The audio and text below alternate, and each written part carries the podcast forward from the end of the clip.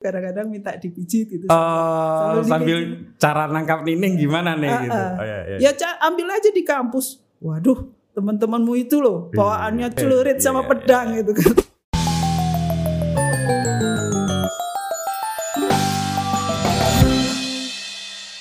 Halo, ketemu lagi dengan saya Putut Ea, Kepala Suku Mojo dan tamu kita hari ini harus agak menahan nafas dulu karena spesial.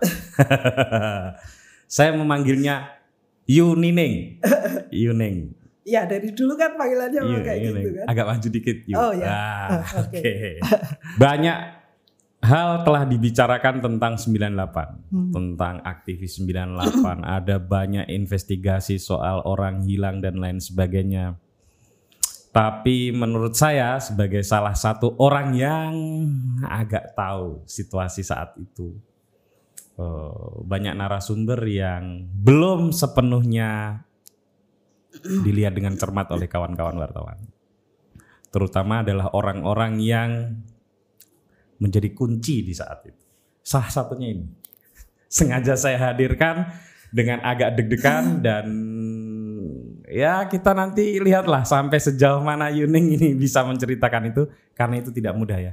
Ya, Masih masih ada beban untuk menceritakan itu?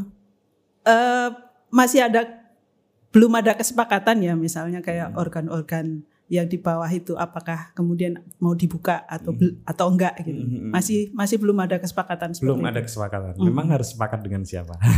Ya orang-orang yang dulu pernah terlibat di situ Ah, sudah nggak pernah ketemu lagi. ah, masih masih, bisa Masih kontak. kan masih ya. bisa kontak. Kayak misalnya kemarin aku sempat upload di Facebook gitu Mm-mm. tulisan tangan kawan Iya. grup itu. Ah. Itu juga ada yang menegur kemudian. Oh gitu. "Uh-uh, Ter- Ini kok dibuka gitu Hmm. kan. Padahal saya pikir kan nggak masalah itu sudah post factum Betul, betul. sekian puluh tahun kan nggak masalah. Dan daripada kalau saya lihat beberapa apa ya kisah investigasi itu menceritakan hal yang berulang-ulang Hmm, itu-itu saja dengan narasumber yang kadang-kadang menurut saya tidak cukup eh, kuat ya. gitu ya. Uh-uh. Karena orang taunya itu kalau aktivis 98 ini yang terkenal begitu ya.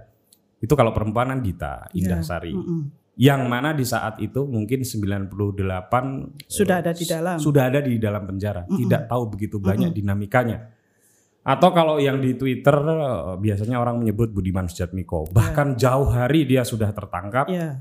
dikeluar setelah Setelah 98. setelah 98 bahkan sudah eranya Gus Dur. Mm-mm. Gus Dur atau Habibie ya saya lupa. Artinya sudah tertinggal jauh banget. Orang yang agak rendah hati untuk bahkan meminta cerita itu salah satunya misalnya Bang Nizar Patria. Hmm, Jadi waktu dia ya keluar dari penjara dan sudah sudah lama lah.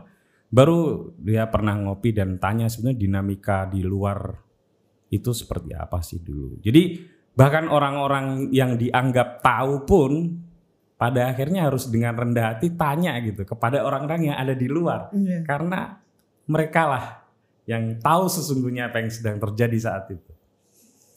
Ini salah satu orang Yuning ini Salah satu cacing tanah.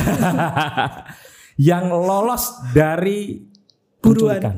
ya. Iya, yang lolos dari penculikan ya. Iya di Maret 98 itu. Maret 98. Mm. Saya itu ingat harus Maret Maret 98 terus kalau kuda tulinya itu Maret 96. 96. Andi Arief itu kena 28 Maret 96. Saya ingat pas hari ulang tahun saya soalnya. Oh ya. Hmm. Dia terakhir yang dijemput ke Lampung. Lampung. Mm-mm. Sebelumnya itu Nezar Patria dan kawan-kawan itu kalau nggak salah Februari udah kena. Tapi pas 96 kan nggak kena kan? Eh sorry, 97. Sembilan. Ya. Eh sorry, Kalau- 98. Mm-mm. 98, bukan sorry sorry, saya agak kacau. 98, 98 Februari, Mm-mm. Agak jauh. agak jauh. Nah, saya ingat Yuning ini selamat dalam tanda kutip karena kemudian masuk lagi ke kampus. Waktu itu ada yang jemput dari kampus. Oh, ada yang jemput. Uh-uh. Posisi waktu itu di Jakarta. Jadi pas Maret 98 itu kan Nezar terus Aan sama Mugi kan sudah saya sudah dengar kabar bahwa mereka itu udah ketangkep. Terus kemudian karena memang masih ada urusan, saya ke kampus cari teman untuk menghubungi seorang kawan yang eh, apa akan diminta tolong untuk membantu HI di Jakarta. Hmm. Nah, saya masih ke kampus. HI maksudnya hubungan internasional, Hubungan ya internasional. untuk advokasi internasionalnya ya. Iya. Terus sorenya saya masih ke kos, ke kos di Karangmalang itu. Iya, iya. Ke kos di Karangmalang. Sebenarnya sudah ada yang ngingetin itu. Hmm. Jangan lama-lama di situ. Kalau sudah selesai langsung pergi gitu. Hmm. Tapi kan situasi capek ya waktu itu. Iya. Habis selesai urusan istirahat dulu. Maghrib itu terbangun ada yang nyari dari kepolisian katanya. Oke. dari Polda ternyata kan. Dari Polda.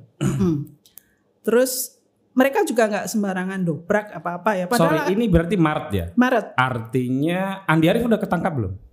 udah sudah sudah Berarti Maretnya udah akhir ini karena Andi Iya, Arief itu 28 pertengahan Maret. pertengahan Oh, berarti Andi Arief belum ketangkap. sebelum sebelum itu sebelum Oh, pertengahan sebelum. Maret sebelum pertengahan Maret. iya karena dia tahu bagaimana polisi itu kan ketika mau mencari gitu kadang-kadang mereka ini gimana nih nyari ngambil nining itu di mana gitu kan. Hmm. sambil mereka minta dipijitin katanya sama Nesar sama Adi Arif itu kadang-kadang minta dipijit gitu Oh, Sambil sambil cara nangkap Nining gimana nih Ah, gitu. ah. Oh, iya, iya. ya Ca, ambil aja di kampus waduh teman-temanmu itu loh bawaannya celirut apa Celurit. celurit sama Iya, pedang itu katanya Ya, kami menjaga Yuning ini dengan senjata senjata tajam.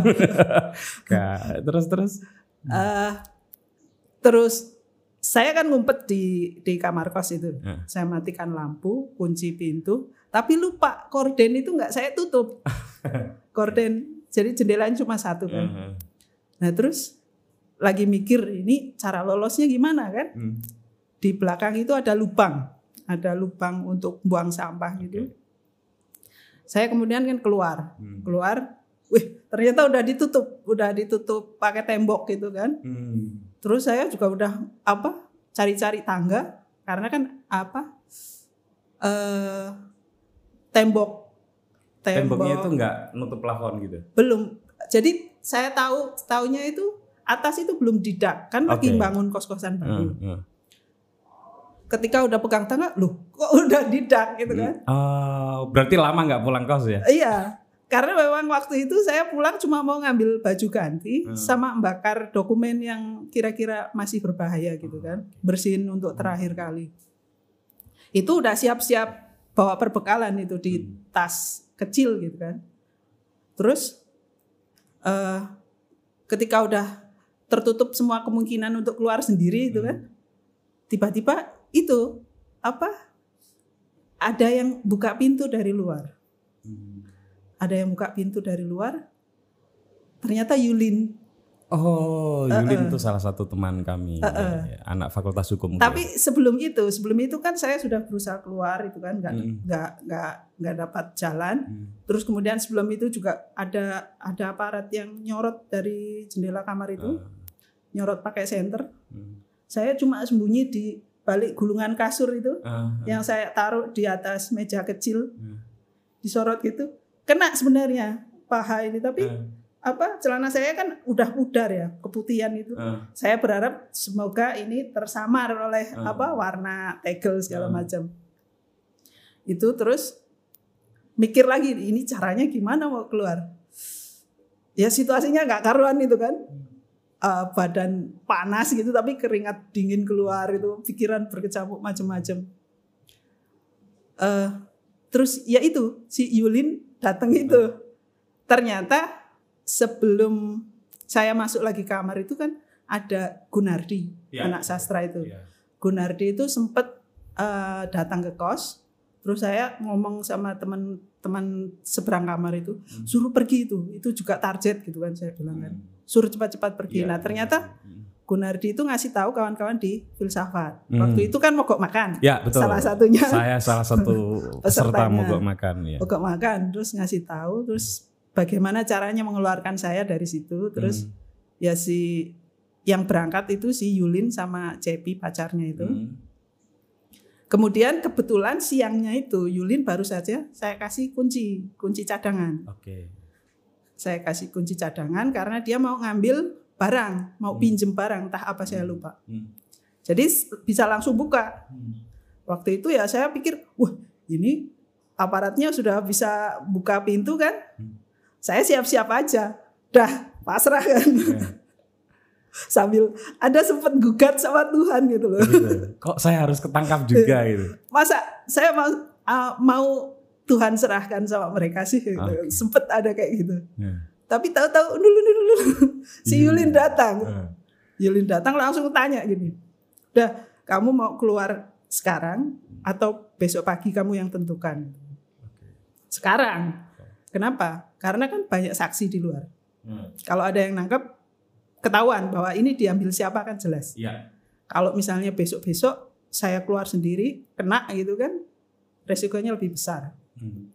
Terus dia langsung ngasih jilbab, hmm. saya pakai, terus saya double celana, nggak nggak bawa apa-apa, double celana, double baju, hmm. ngesai KTP, hmm. langsung ikut mereka. Hmm. Tapi ada mahasiswa Fakultas Hukum angkatan 94 hmm. yang yang kenal kenal dengan Yulin, kenal dengan aku juga mau bantu. Jadi pakai dua motor. Okay. Aku bonceng Cepi, Yulin hmm. bonceng Pandu namanya. Oke. Okay. Pandu. Terus ya terus keluar, keluar pakai motor. Nah, kata Yulin sama Cepi, kalau misalnya aku berhasil apa keluar lewat tangga, hmm. lewat tembok itu, di situ udah ada yang nungguin ternyata. Hmm. Dan ketika kami keluar lewat gerbang pun, itu langsung ada orang yang lagi nongkrong di dekat penjual nasi goreng itu langsung berdiri itu kayaknya hmm. siap gitu loh. Hmm.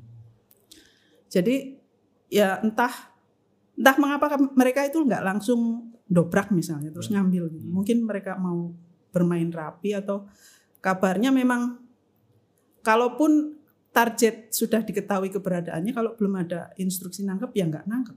Kabarnya seperti itu sih. Dan mulai saat itu kemudian tinggal di kampus ya? Nggak tinggal di kampus Enggak juga. tinggal di kampus juga. Karena ketika aku di kampus biasanya kawan-kawan tuh nggak merasa apa ya punya tenaga lebih gitu loh untuk memberikan perlindungan. perlindungan iya sih memang saat itu situasinya memang tegang juga mm -hmm. ya. Hmm. Jadi ketika aku di kampus misalnya, maka terus kemudian buru-buru ada yang nyuruh seorang itu untuk nganter aku ke mana gitu. Ya. Artinya sudah mulai terorganisir uh, apa ya sistem untuk menyelamatkan Yuning ya. Dan Gunardi waktu itu ya ada dua lah ya atau uh, atau lebih.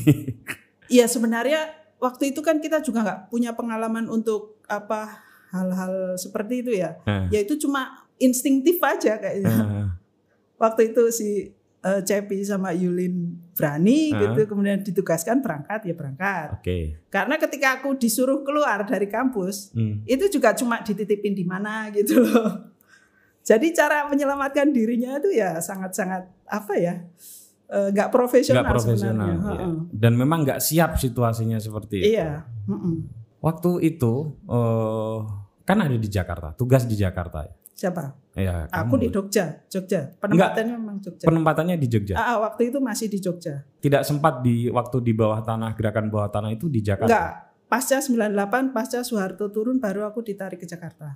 Oh, oke okay, oke. Okay. Waktu itu kenapa ada keputusan untuk tetap melanjutkan ini supaya agak agak apa ya, agak uh, detail ya tahap hmm. demi tahapnya. Tolong saya dikoreksi kalau keliru.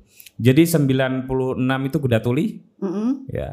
Uh, kemudian PRD jadi target, uh -uh. kemudian uh, kawan-kawan yang tersisa itu harus bekerja di bawah tanah. Iya. Yeah. Ya. Uh -uh. Dan mulailah di saat itu berarti ada waktu hampir dua tahun teman-teman ada di bawah tanah. Yeah. Tapi penangkapan terjadi menjelang 98. Iya. Iya kan? Mm -mm. Uh, mulai 96 ditangkap. ada yang ditangkap. Ada yang ditangkap tapi ah. legal tangkapannya. Iya. Budiman Sujatmiko uh, dan lain-lain. Terus. Uh, yang kemudian meninggal dunia, banyak yang hilang dan meninggal dunia kan tangkapan 98. 98. Ya, 13 atau lebih itu ya, orang. Pertengahan Maret lah sekitar. Betul. Nah, itu sudah ada ini. Ada pola baru yang dilakukan oleh teman-teman di bawah tanah atau gimana sehingga kok ada represi yang lebih gitu. Kan 96 sudah ada yang ditangkap. 96 ada yang ditangkap, ya kita tetap bergerak di bawah tanah ya. Hmm, hmm. Aku ingat betul bahwa koordinasi pertama pasca crackdown 27, 27 Juli 96 ya. itu di perpustakaan Hatta. Hmm. Nah, itu di situ tuh sebenarnya ya antara antara tegang dan asik sebenarnya. Masih menikmati keasikan di saat seperti itu. Iya, hmm. masih. Eh, koordinasi pertama di perpustakaan Hatta, saya ingat betul jumlah orang yang bisa dikoordinasi itu 12. Hanya tinggal 12 orang. 12 itu pun ada dari luar kota kayak Rubaidah itu kan sebenarnya tugasnya juga nggak di Jogja, hmm. Jawa Tengah dia. Jawa Tengah. 12, kemudian pasca pertemuan itu kami harus dibagi dalam sel-sel kecil. Dibagi empat jadi tiga-tiga. Hmm. Peraturannya uh, kita nggak boleh ngomongin politik kecuali dengan teman satu sel tiga orang itu. Kemudian satu orang dari tiga orang itu baru bisa berkoordinasi dengan kelompok lain. Hmm terus bacaan-bacaan kita, apa pun buku kita yang yang yang diharamkan itu harus disentralisir dan disimpan di satu tempat yang biasa disebut safe house itu. Ya. Terus dari 12 orang itu kemudian sebagian besar juga kemudian ditarik ke Jakarta. Hmm. Kayak misalnya Ricardo, hmm. terus yang sekarang jadi apa? Yesuit itu Jojon. Jojon juga ditarik ke Jakarta. Hmm kemudian Edi Haryadi juga, kemudian juga Oh Edi Haryadi masih aktif ya waktu itu? Masih. Okay. Dia kemudian juga harus ditarik ke Jakarta. Terus kemudian kita kan juga bikin tim advokasi itu. Yeah. Advokasi dipecah jadi dua karena penangkapan kan ada di Surabaya dan di Jakarta. Hmm. Maka kemudian dari Jogja juga sebagian diambil ke Jakarta, sebagian mau ditempatkan ke Surabaya. Hmm. Nah itu orang yang tersisa tinggal sedikit kan uh, koordinasi selanjutnya paling lima orang empat orang gitu kan hmm. itu kemudian uh, ditugaskan untuk uh, ngorganisir yang paling mungkin mahasiswa nah dari sekian orang yang sedikit gitu kan hmm. saya salah satu yang ditugaskan untuk ngorganisir mahasiswa hmm. terus sistemnya kayaknya, kayaknya saya korbannya ini manual banget gitu kalau sekarang punya gadget gitu kan gampang yeah, mungkin yeah, via yeah. WhatsApp segala macam. Kalau dulu kan didekati satu persatu. Yeah, yeah. Uh, koordinasi misalnya. Kamu kira-kira narjet siapa gitu kan. Aku narjet ini, aku narjet ini. Gitu. Terus kemudian ada pertemuan gitu di Santikara. Kemudian taktiknya kemudian waktu itu kan bikin komite-komite baru. Ya. Jadi propaganda legal di kampus. Uh, gitu ya. Propaganda harus tetap jalan gitu kan. hmm. kan. Karena masyarakat sudah paham bahwa ya namanya sistem kediktatoran ini harus sudah saatnya ditumbangkan gitu. Terus eh, koordinasi di Santikara kemudian bikin organ baru, Komite Mahasiswa. Hmm. Pertama itu namanya JKMY, hmm. Jaringan Komunikasi Mahasiswa Jogja. Itu yang kemudian menyuarakan misalnya tuntutan uh, bebaskan uh, kawan kami bebaskan apa tahanan politik hmm. begitu kan dan terus mempropagandakan tuntutan-tuntutan kita hmm. kayak cabut di fungsi APRI dan cabut lima undang-undang politik itu pakai komite-komite baru itu dan juga komite-komite baru itu yang me, sebagai alat kita untuk berhubungan dengan organisasi-organisasi lain hmm. seperti itu itu kan sebenarnya kita masih di bawah banget ya, ya. terus tahun uh, masih masih tahun 96 itu kita kemudian mikir ini nih situasi bisu ini harus dipecahkan gitu kan. Ha, harus ada orang yang mempelopori biar uh, apa namanya semangat masa keberanian masa ini bisa hmm. muncul lagi. Ya, ya. Makanya ini harus ada aksi. Apa pun isunya, apa pun yang bisa diangkat. Waktu itu ada momen apa digerebeknya suara independen itu percetakannya hmm. kemudian sebagian dari hasil cetakannya diambil itu kemudian uh, Hari Sitorus itu ya. langsung bikin surat undangan mengundang semua pers mahasiswa di UGM hmm. tambah lagi dengan organ-organ di luar UGM hmm. ada isi ada abayo ada hmm. macam-macam itu terus kemudian koordinasi di Pijar Pijar filsafat ya di Pijar filsafat akhirnya kemudian diputuskan tanggal 7 November itu aksi KAP gitu. Komite Anti Penindasan Pers. Hmm. Itu masanya paling cuman berapa ya? Nggak nyampe 10 orang, paling 7 orang. ya, itu juga tadinya mau di MIPA, tapi karena situasi kok kelihatannya represif banget, akhirnya dibuka di depan Balerung itu. Hmm, hmm. Baru buka spanduk street, baru kolapnya pun, kolap hmm. yang dituju pertama itu. itu ketakutan. Siapa tuh? Masih ingat? Ah, jangan disebut lah, nggak ya. enak lah. Oke, terus Karena dia itu ketemu di jalan gitu terus, eh maaf ya, perutku sakit, mules. Eh, Akhirnya diambil alih si Torres itu. Nah dia kemudian yang jadi korban kan diambil dibawa ke garnison itu. Padahal hanya tujuh dan tetap diambil ya. Ya satu orang diambil. Tapi sorry, saya mau menceritakan versi yang saya ya. Itu kan memang saat-saat yang paling menakutkan itu 96. Mm. Saya masuk UGM, eh, adik kelasnya Yuning ini eh, 95. Dan saya ingat persis pertemuan pertama kita adalah Anda itu sedang fundraising untuk STN, Serikat Tani Nasional itu eh tanggalan. Mm. Nah, saya ikut beli itu. Terus kita berhubungan lagi itu saat saya meminjam buku-buku pram Ah. yang digilir tuh.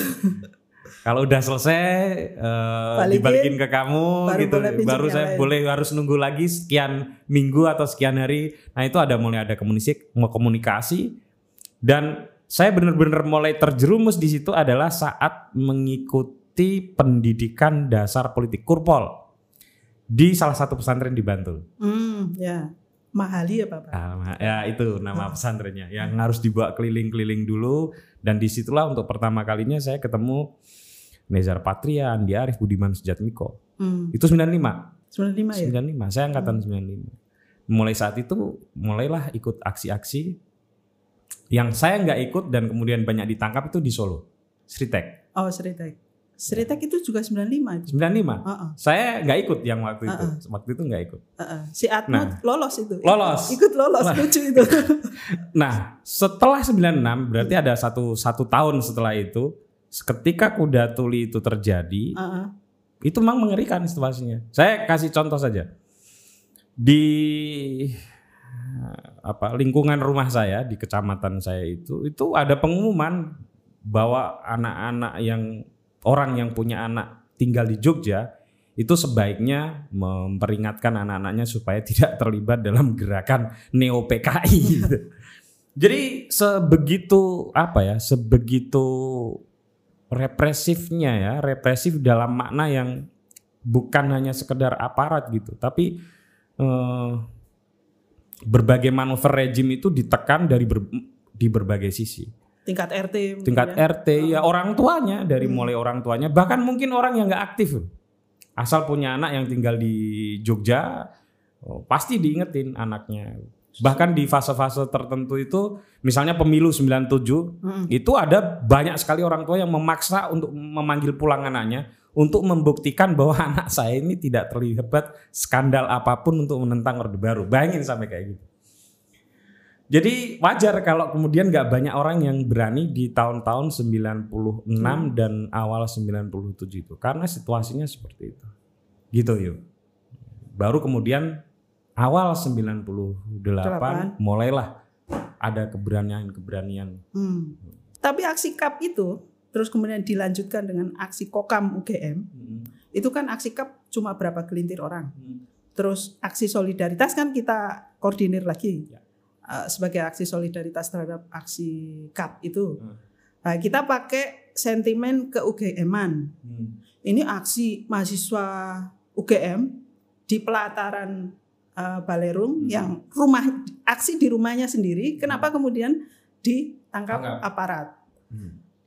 Oh, itu banyak solidaritasnya itu banyak. Bahkan sampai eh, kul- apa situasinya pada waktu itu kan kalau organisasi ekstra kampus itu kan susah bergaul dengan yang intra kampus kayak senat bem dan lain sebagainya. Iya. Di aksi kokam itu jadi satu. Hmm, hmm. Itu Itu di sospol. enggak di depan balerung itu. Hmm. Itu- Aksi lanjutan ya berarti. Ah, ah. sekitar 500 orang mungkin turun pada waktu itu. Hmm. Tapi untuk memperbesar keberanian itu kita pakai jaket alma mater. Oke. Nah, itu untuk membesarkan hati kan. Membesarkan hati. Nah, pasca itu kalau aku amati, kami amati itu kemudian eh, apa komite-komite baru tumbuh Hmm. kayak jamur di musim hujan itu. kan. Hmm. Sama aksi-aksi kecil-kecil juga ada gitu. loh. Ya, Jadi ya. eh, mulai dari titik itu kemudian keberanian bisa dikatakan eh, tumbuh lagi. mulai tumbuh lagi. Mm-mm. Ya, ya. Sampai uh, akhir 96 ya. Itu aksi apa penurunan PD3 itu di filsafat. Ingat nggak? Oh, nggak ingat. Jadi pasca aksi KAP, Pak Aksi Eh. Kokam, Eh, itu kan uh, mahasiswa filsafat itu menilai PD3-nya itu nggak demokratis banget gitu kan. hmm. Eh, PD3 yang sekaligus kerja di Lemhanas. Oh ya, tahu saya. Nah, Hmm. itu. Sudah almarhum kayaknya. Iya, Hmm. Habis itu kena stroke kan. Hmm. It- nah, itu momennya itu eh, ketika ada kebijakan pembersihan kampus itu. Ya. Apa sterilisasi kampus istilahnya Hmm. kan, sama diberlakukannya jam malam. Nah, itu sudah mulai kunci-kunci ruang kemahasiswaan itu ditarik setiap jam 6 sore. Ya. Jam 6 sore ditarik, ya matilah kegiatan kemahasiswaan. Hmm. Karena aksi mahasiswa Fakultas Filsafat nuntut PD3 turun, Hmm. itulah kemudian ah, dan itu berhasil loh. Kemudian PD3 dinonaktifkan, kemudian urusan-urusannya diambil alih, diambil alih, kemudian sampai masa jabatannya berakhir itu nggak ada penggantian PD lagi, PD3 lagi.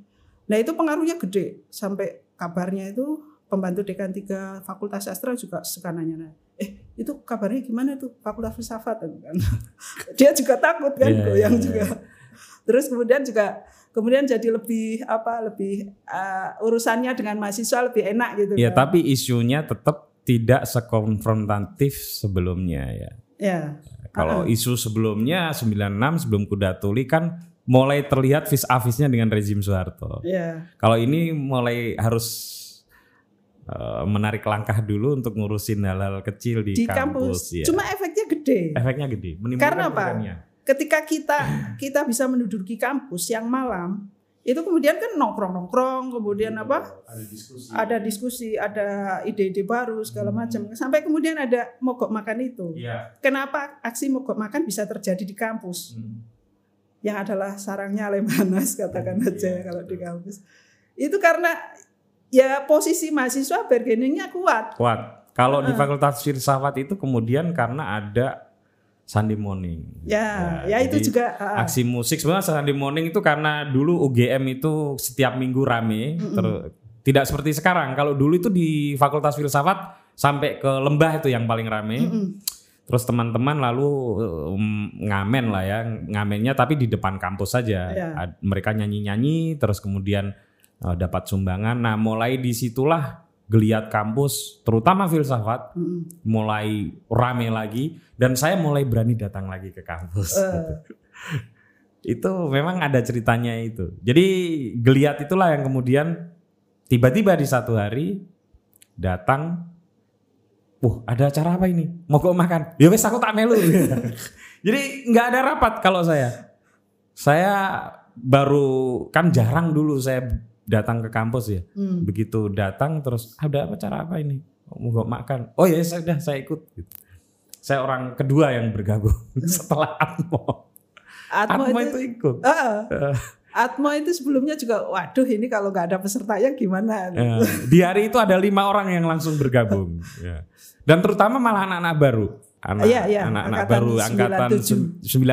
97 ya, 97, ha. yang baru satu semester masuk. Tapi kuliah. kalau menurutku itu juga nggak tiba-tiba. Itu karena atmosfer yang selalu kita bangun. Oh, iya, Bahkan iya, iya, sejak awal ma- apa mahasiswa baru masuk kuliah kan sudah. termasuk waktu itu sumbangan pers mahasiswa gede ya, Ya. karena kemudian menurunkan berbagai laporan yang ya, ya agak mulai bukan hanya ya kritis terhadap Hmm. eh, orde baru. Tapi ngomong-ngomong, dulu langsung jadi aktivis waktu mahasiswa. S- awal masuk kuliah itu kan sebenarnya saya juga nggak suka berorganisasi sebenarnya. Bukannya HMI dulu. Eh, nggak nggak suka berorganisasi. Pengennya ya kuliah. eh, seneng-seneng aja lah. Kalau misalnya ikut ke- kegiatan ekstra ya naik gunung misalnya. Hmm. Kalau misalnya bisa Yuning ini 93 ya? 92. 92. Hmm. Oke. Tapi waktu itu eh, pengen masuk ke pers mahasiswa. Hmm. Kebetulan juga ketemu sesama angkatan 92, Nur Hikmah itu juga Iya. pengen masuk pers. Hmm.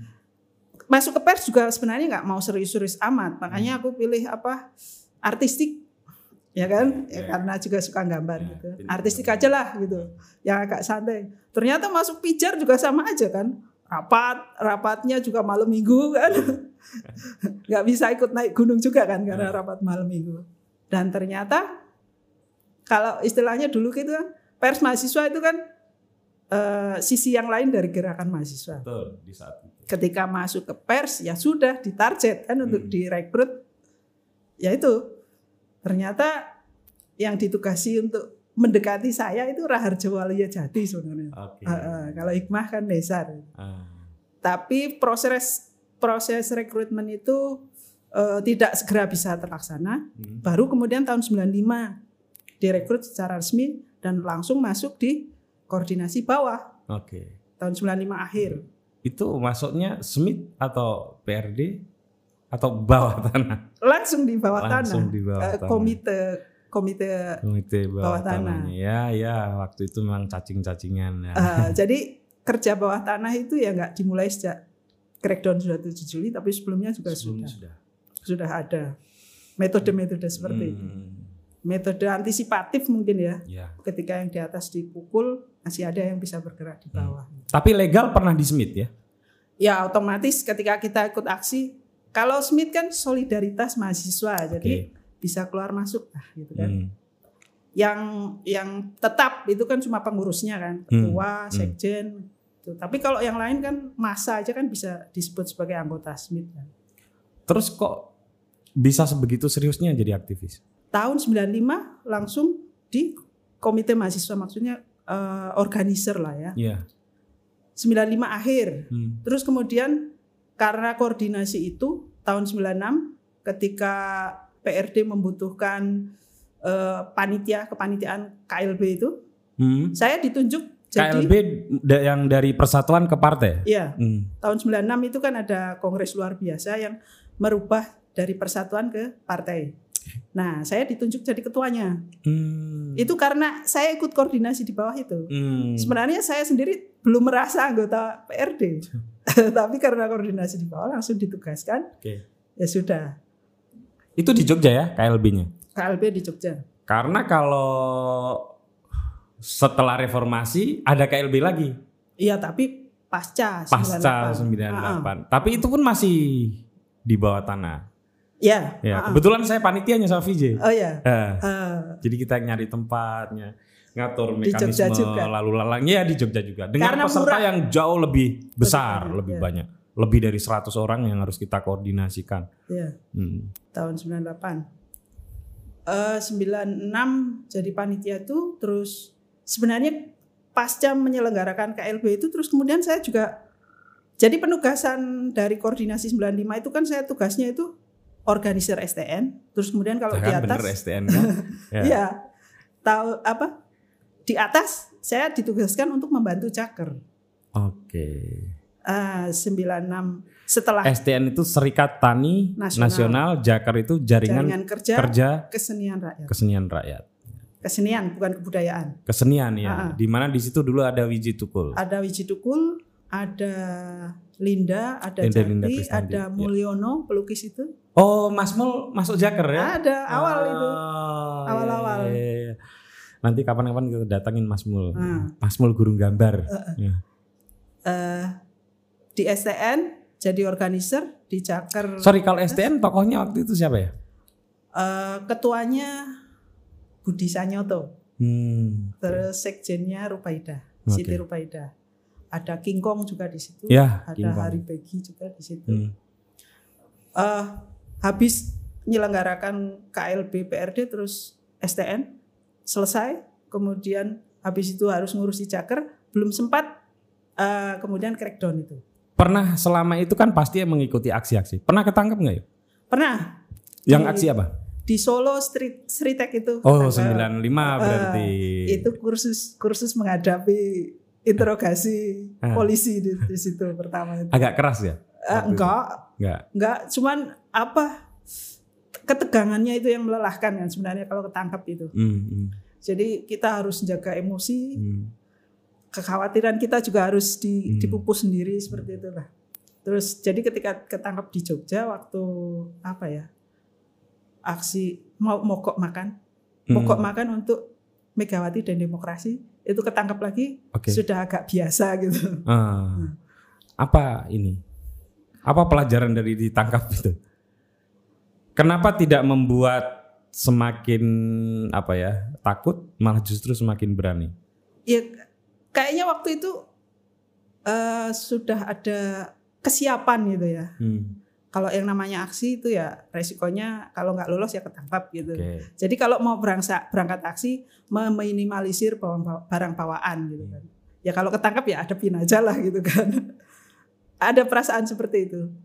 Nah, tapi ada yang membedakan dengan ditangkapnya aktivis di awal 98. Karena hmm. ada yang yang Nezar Patria CS, Andi Arief CS. Mm -mm. Karena ada yang tidak balik lagi. Mm -mm itu kan beda ya. Kalau setahu saya dulu ya aksi-aksi ketangkep ketangkep paling dipukul di apa, diinterogasi. Uh-huh. Oke, ya udah pulang, udah. Ya mungkin ada takut-takutnya sebulan dua bulan. Tapi ini ada yang tidak balik sampai sekarang gitu. Itu kan cukup membedakan tuh fase fase dengan sebelumnya itu. Iya.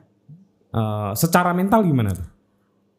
Masalahnya kalaupun kita menghindari itu, hmm. gini ya, memang tidak balik tapi apakah kita bisa lari dari situasi itu? Seperti itu. Jadi misalnya Nezar dan kawan-kawan tertangkap. Ya sekarang yang perlu aku lakukan ya bagaimana caranya agar lolos gitu aja. Pikirannya seperti itu. Nggak membayangkan seandainya saya tertangkap gitu. Hmm. Nggak, jangan dibayangkan itu. Jadi ya dan nggak punya kesempatan bayangkan itu. Ya, ya. bagaimana bagaimana lolos gitu Tapi aja. situasinya secara mental agak beda nggak dengan fase-fase sebelumnya? Oh ya jelas. Jelas ya. Jelas. Hmm karena uh, secara pengetahuan kan juga banyak kan. Pada waktu itu jadi sebelum penggerbekan itu kan ada fase di mana uh, resources itu sangat sedikit. Sebagian ditarik ke Jakarta, sebagian ditarik ke Surabaya, sampai kemudian di kota kan tetap dipertahankan ada gitu kan. Ya. Ada kader di sana.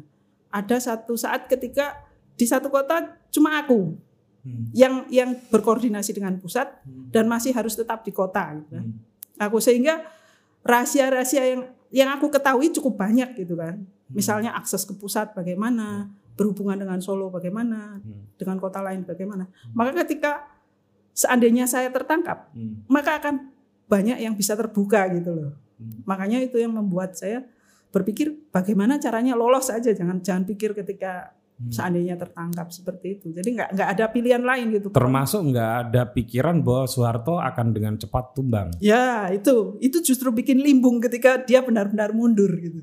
Gitu ya. Uh -uh. Karena waduh. Jadi kan kita punya kesadaran hmm. bahwa seandainya Soeharto turun hmm. itu apa yang harus dilakukan? Kita belum belum mempersiapkan uh, alternatif sistemnya nanti bagaimana gitu kan. Kita baru baru baru awal-awal mempropagandakan soal pemerintahan uh, alternatif sementara, hmm. semacam pemerintahan sementara yang kemudian nanti bisa menjadi panitia dipilihnya lagi presiden yang lebih demokratis gitu kan. Nah itu baru awal-awal kita propagandakan, hmm. tahu-tahu tanggal 21 Soeharto menyatakan mundur. Hmm. Itu kan malah bikin bingung. Bikin bingung. Karena masa kita lihat sudah euforia, apa, euforia ya. nggak bisa lagi mendengar apa namanya alternatif pikiran. Alternatif alternatif. Hmm. Bahkan saya pernah nanya hmm. ke hmm. salah seorang yang aktif di SMKR. Hmm. Soeharto turun terus mau apa gitu? Hmm. Ya kita tunggulah Habibie itu. Kita percayakan dulu situ. Ya, ya. Waduh. Ya, ya, ya. Tapi juga nggak membayangkan gerakan mahasiswa secepat itu kemudian iya apa ya naik gitu ya. Uh, uh, jadi di awal-awal kita itu kan, cepat sekali loh. Uh, uh. Akhir tahun 97 itu ya ada lah aksi-aksi tapi masih kecil. Iya, kecil. Tapi mulai 98 apalagi ketika mulai mogok makan gitu. Dan itu sudah mulai mengundang wah aktivis yang lama-lama seperti bangkit dari kubur yeah, ya. Uh, uh. Berdatangan orang-orang LSM mulai berdatangan. Mm -mm. PDI PDI waktu itu PDI Megawati juga mulai berani lagi mm uh, menunjukkan diri gitu ya. Mm. Termasuk uh, saya ingat persis itu yang luar biasa adalah almarhum Munir itu lebih dari seminggu nongkrong di Fakultas Filsafat. Termasuk Sultan katanya pernah juga kan berkunjung ke Kalau Sultan seingat saya tidak di Fakultas Filsafat. Di Boulevard. Di Boulevard. Ya, ya di Boulevard dia kita waktu itu adain kemah uh, beliau datang. Mm -mm. Jadi awal-awal itu kan resources resources kita sedikit. kita ya ibaratnya untuk memantik ada aksi, ada gerakan itu kan sangat susah. Hmm. Tapi ketika sudah mulai bergulir, naik terus Hmm. uh, jumlah massa, Hmm. ju- apa tuntutannya juga naik terus. Kita kemudian jadi tertinggal di belakang, bisa dikatakan demikian, tertinggal di belakang. Memang. Jadi ketika Soeharto turun, ya kita kita nggak bisa mengendalikan apa-apa. Ya betul. Dan repotnya lagi, pada waktu masa semakin naik, gelombangnya semakin naik, itu kan kemudian muncul yang namanya Amin Rais, Hmm. terus Megawati juga Iya. muncul, kemudian ada Sultan, Ada Gus Dur. ada Gus Dur, Iya. kemudian bikin apa? Iya. Majelis apa itu ya? Eh, eh, yang di mana itu di Hmm. Jakarta, di Ciganjur. Eh, eh, Hmm. empat orang itu, Hmm. itu kan memberikan ilusi kemudian. Tapi bukankah dengan situasi seperti itu justru ada backup dari orang-orang penting terhadap gerakan masyarakat? Enggak juga karena kemudian eh, yang kemudian muncul kesadaran palsu kayak misalnya seharusnya kan targetnya revolusi demokratik gitu kan. Hmm. Tapi kemudian slogannya berganti menjadi Reformasi. reformasi. Ya. Kita kemudian ada semacam apa? Eh, ya reformasi nggak apa-apa deh gitu. Hmm. Tapi belakangnya ada totalnya dong gitu kan. Makanya kemudian kita berusaha untuk Ya. menyematkan total di belakangnya. Itu pun nggak bisa. Hmm. Ya kalau reformasi kan cuma pergantian. Jadi menurut Yuning kehadiran tokoh-tokoh itu termasuk mundurnya Soeharto itu menguntungkan atau merugikan? ya tetap menguntungkan. Tetap menguntungkan kan? Ah, ah. Setidaknya nggak represif lagi gitu loh. Ya tetap menguntungkan. Sulit sekali bergerak Ah, ah. dalam situasi yang sangat represif ya. Ya. Keluar dari kos-kosan saja takut. Ibaratnya itu jembatan emas gitu, Iya, untuk iya, iya. beralih ke tahap Hmm. selanjutnya Hmm. gitu. Cuma kontrol kita yang kemudian lemah di situ karena resource sedikit, Hmm. kemudian kita kalah kalah di panggung dengan uh, Tentu saja. elit-elit itu. Hmm. Ya Amin Rais kan jelas pada waktu itu sangat dipandang kan. Hmm. Ya kita kalah lah ngomong apa sih itu Ya, betul. Budiman aja mungkin juga nggak nggak bisa nandingin kan pada waktu itu. Ya. Hmm. Budiman naik karena dia di penjara, kemudian ya suaranya kan didengar. Ya. Terus kemudian kapan merasa sudah saatnya berhenti dari dunia aktivis? Jadi aku balik ke Jogja tahun 2001. Eh, setelah ditugaskan ke Jakarta. Pasca 98 kan kemudian ditarik ke pusat ngurusi pembebasan Ngurusin setahun. Pembebasan. Kemudian Oh, sorry, pembebasan itu Koran- Partai Rakyat. Demokratik Mm-mm. ya korannya PRD. sekitar setahun, kemudian tahun 99 sampai 2001 ngurus jadi pengurus KPP PRD. Sebagai Eh, di Departemen Bacaan. oke. Departemen Bacaan ya departemen yang ngurusi Hmm, literatur Ya, macam, termasuk pembebasan juga. capacity building lah ya untuk Ah, ah. anggota-anggotanya. Heeh. ya 2001 aku merasa umurku udah sekian ya. Hmm, hmm. Orang tua juga tinggal satu juga Hmm. eh, eh belum dia 2001. Ibuku meninggal tahun 2002. Hmm. 2001 secara umur juga sudah sudah sudah cukup umur kemudian ya aku pikir gimana masa depanku itu kan kuliah nggak lulus ya belum lulus Belum- Politik juga nggak ada harapan. Pernah lihat nggak day to day gitu terus kan monotonnya? ya Tanpa ada dinamika yang lebih menantang. aku merasa gini kan aku nggak bisa belajar dalam situasi sangat ramai gitu kan Ya. mau baca koran rebutan gitu. aku merasa bodoh banget gitu loh Bahkan setelah reformasi masih rebutan baca koran. iya mau baca koran rebutan, baca buku juga susah di tempat sangat ramai. Hmm. Kan 24 jam itu kan ramai terus yang Kantor kantor. PRD Oh, oh. itu ya. Puluhan orang di situ. Bahkan Hmm. kalau kalau pas aksi massa itu kan orang-orang dari daerah tumplek-blek di situ kan. Hmm. Terus merasa kepala ini jadi apa ya? Ya bodoh banget itu loh. Akhirnya aku nekat, nekat balik sekolah lagi. Dan dapat surat peringatan ya. apa dari, Dari kampus? partai? Oh, ita, iya. Tahun berapa itu? Statusnya aku di akhir itu statusnya dipecat dari PRD. Oh ya, beruntung. Saya sampai sekarang belum dipecat. Lo justru beruntung Pak beruntung. Saya statusnya menunggu-menunggu untuk dipecat. dalam hidup itu kan ada status dipecat gitu. Rasanya gak enak juga, tapi ya Hah? sudahlah gak apa-apa. Ya beruntung yang dipecat dong berarti. Udah pasti gitu. Eh? Pasti statusnya. Iya pasti. Dan ah, yang jelas gitu kan kalau dipecat. Oh iya, Uh-uh. Putusannya dipecat. 2003 atau 2004 itu. tapi apa pun itu, Uh, pernah menyesali nggak ada satu fase dalam hidup Oh, menjadi tidak. aktivis? tidak. Karena gini yuk, saya kadang-kadang ketemu dengan teman-teman yang agak menyalahkan masa lalu. Hmm. Gitu ya. Kenapa sih harus dulu gini ternyata hasilnya sekarang gini-gini aja Hmm. gitu. Eh, tidak tidak cukup produktif memandang masa lalu. Saya kecewa dengan beberapa hal setelah Hmm. itu tentu saja. Tapi tidak sampai kemudian menyalahkan masa lalu. Karena saya belajar banyak di situ. Saya belajar disiplin. Hmm. Saya belajar punya komitmen. Saya belajar menepati janji. Hal-hal kecil yang harus saya syukuri yang seandainya saya tidak terlibat dalam situasi seperti itu, saya nggak akan punya pengalaman konkret dalam tekanan yang sangat besar, eh, dalam situasi yang sangat minoritas. Jangan salah, jadi aktivis revolusioner di saat itu bukan hal yang seksi sebetulnya. Iya, Menjadi seksi kan ketika Soeharto tumbang. ya.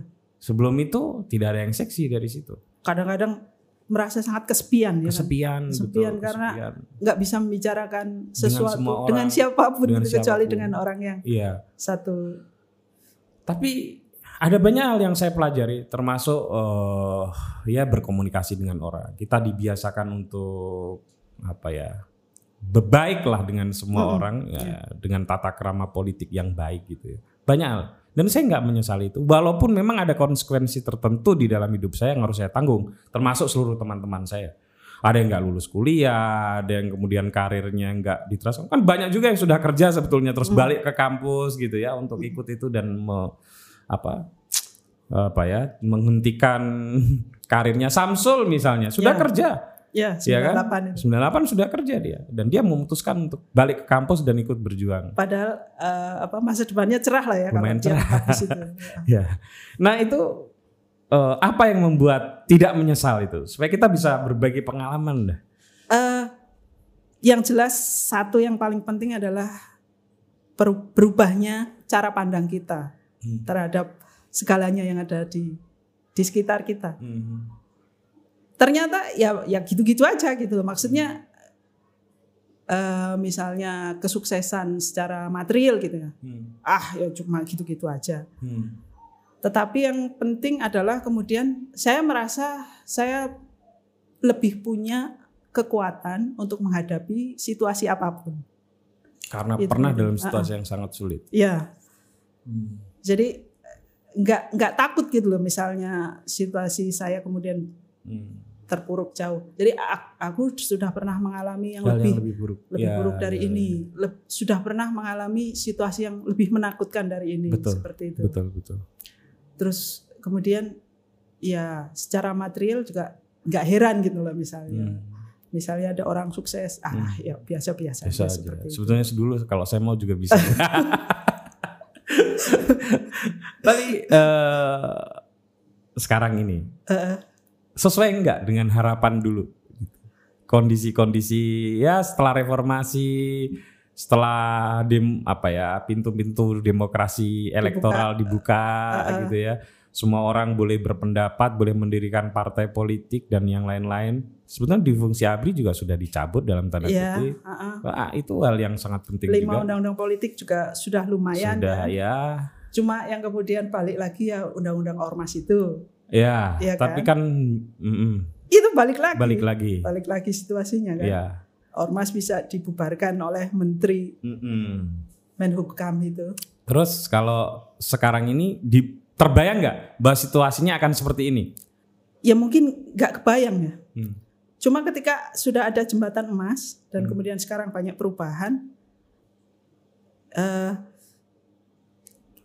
eh, saya sendiri ke- ketika sekarang ini ya sudah tidak punya kemampuan untuk ikut serta secara eh, secara apa ya, secara eh, Partisipatif gitu, ya. hadir gitu itu ya. kemudian ya kemudian ya ya sudahlah ah, harus diserahkan ke generasi yang selanjutnya gitu kan kayak misalnya ada undang-undang ah, KPK segala macam yang kemudian mau di di kemudian dikembalikan ke seperti dahulu terus kemudian omnibus law segala Hmm. macam ya yang kita yang nggak sepakat tapi tapi biarlah kemudian anak muda yang kemudian melanjutkan Iya. seperti itu kan. Zaman butuh aktor yang lain. Iya. Nggak mungkin Uh-uh. turun tangan Uh-uh. lagi ya. Ya, Udah terlalu tua, udah Uh-uh. terlalu banyak hal yang harus dipikir.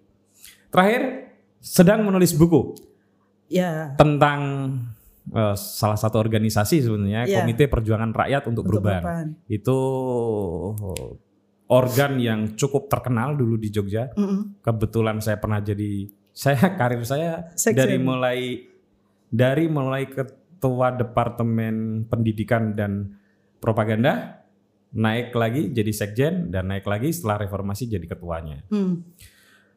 Itu organ yang sangat penting eh, termasuk yang dulu membackup apa mogok makan di Fakultas Filsafat hingga kemudian jadi mendampingi lebih dari puluhan organisasi di Jogja ya. Eh, apa yang pengen diceritakan di situ?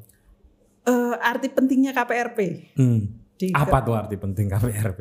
mungkin kalau bagi aku melihatnya KPRP itu pelopor pelopor dalam hal metode Hmm, metode bertahan di lapangan hmm, kemudian juga eh, dia juga yang kemudian ber berapa? Berinteraksi dengan KPRP itu sangat beragam kan? Betul.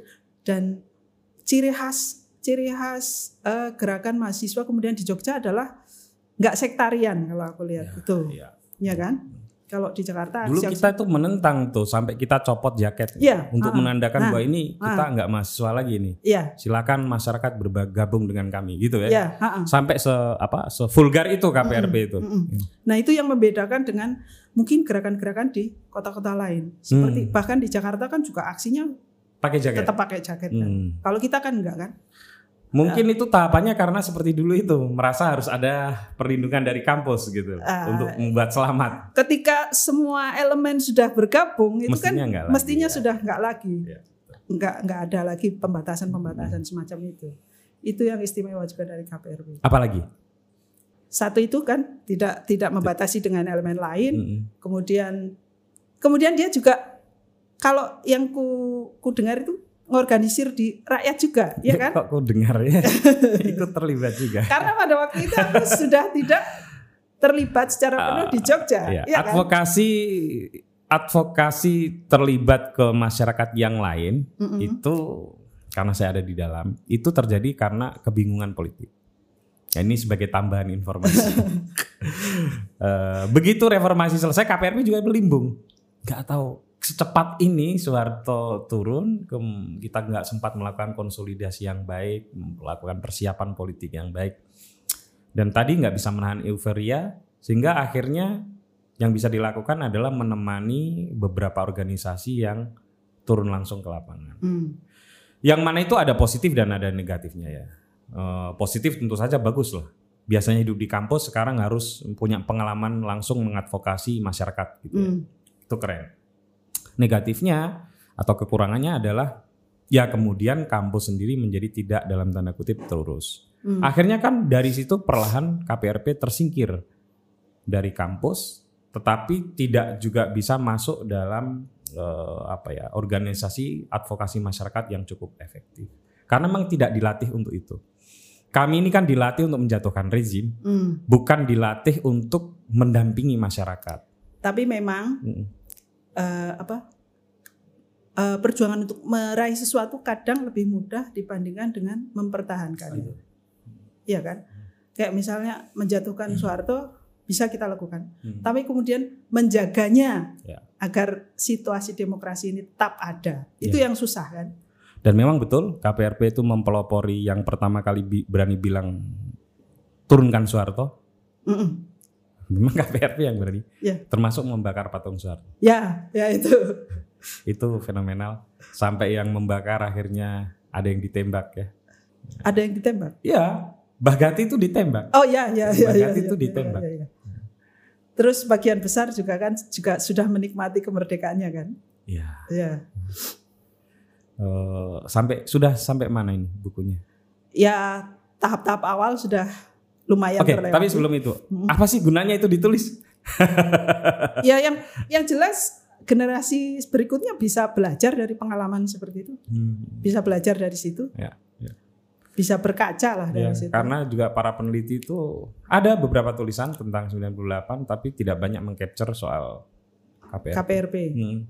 Lah biasa sentralistik apa ya, terlalu tersentral ke ibu kota. Padahal ibu kota itu rame hanya sekian minggu sebelum Soeharto tumbang dan setelah itu. Ya gitu Karena termasuk uh, aksi-aksi menolak Habibie itu memang terbesar di Jakarta ya. Tapi sebelumnya kan sebetulnya tidak.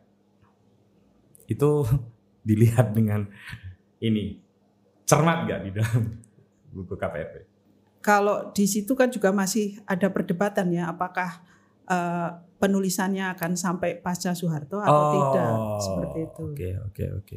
Okay. Belum pasti karena apa namanya eh, pertemuan untuk me, me, membuat target hmm. atau fasenya itu dari kapan sampai kapan itu juga belum belum belum belum, belum terlaksana. Ya, nah ini sebagai informasi terakhir KPRP inilah yang kemudian bersama beberapa elemen mas, eh, organisasi mahasiswa lain kemudian berevolusi dan jadi lahirlah namanya LMND, LMND. Liga Mahasiswa Nasional Demokrasi. Jadi tapi awalnya itu memang organisasi yang cukup revolusioner di Yogyakarta. Ya. Dan seru, Gejayan memanggil itu salah satu mahakarya KVRB. Loh, Gejayan, sorry, bukan Gejayan memanggil. Yang akhirnya dipakai lagi teman-teman yang lebih muda untuk Gejayan. Hmm. Itu kan aksi Gejayan. Aksi Gejayan di tahun 98. Di tahun 98. Ya. ya, itu kan yang sangat fenomenal di Jogja. Hmm. Nah, karena ada dua hari bertempur di jalanan. Oke, okay, yuk ya. gitu dulu ya. Semoga bukunya lancar, lancar uh, dan semoga sehat lah. Ya, ya, amin. Masih sering melukis sih. Ya, masih. Hmm. Itu kerjaan sambilan. Ya. Jadi teman-teman wartawan, kalau mau wawancara aktor-aktor bawah tanah. Anda tanya saya saja. saya kasih nanti nama-nama yang tidak banyak diketahui oleh orang supaya ceritanya nggak itu itu saja. Termasuk suaminya itu. ya nanti saya akan datangkan ke sini VJ. Uh, eh, saya belajar banyak itu dari dia. Belajar apa? Termasuk belajar menghelat kongres luar biasa yang nggak uh, gampang itu ya, ya. mengorganisir sekian banyak orang dengan Uh, Mungkin soal hobi juga bagus. Oke deh, soal lebih. Oke, gitu dulu ya. Uh, tentu saja ada banyak orang seperti Yuning ini yang tidak banyak diekspos oleh media, tapi mempunyai peran yang sangat penting dalam fase-fase penting uh, Republik ini. Terima kasih teman-teman. Sampai ketemu lagi.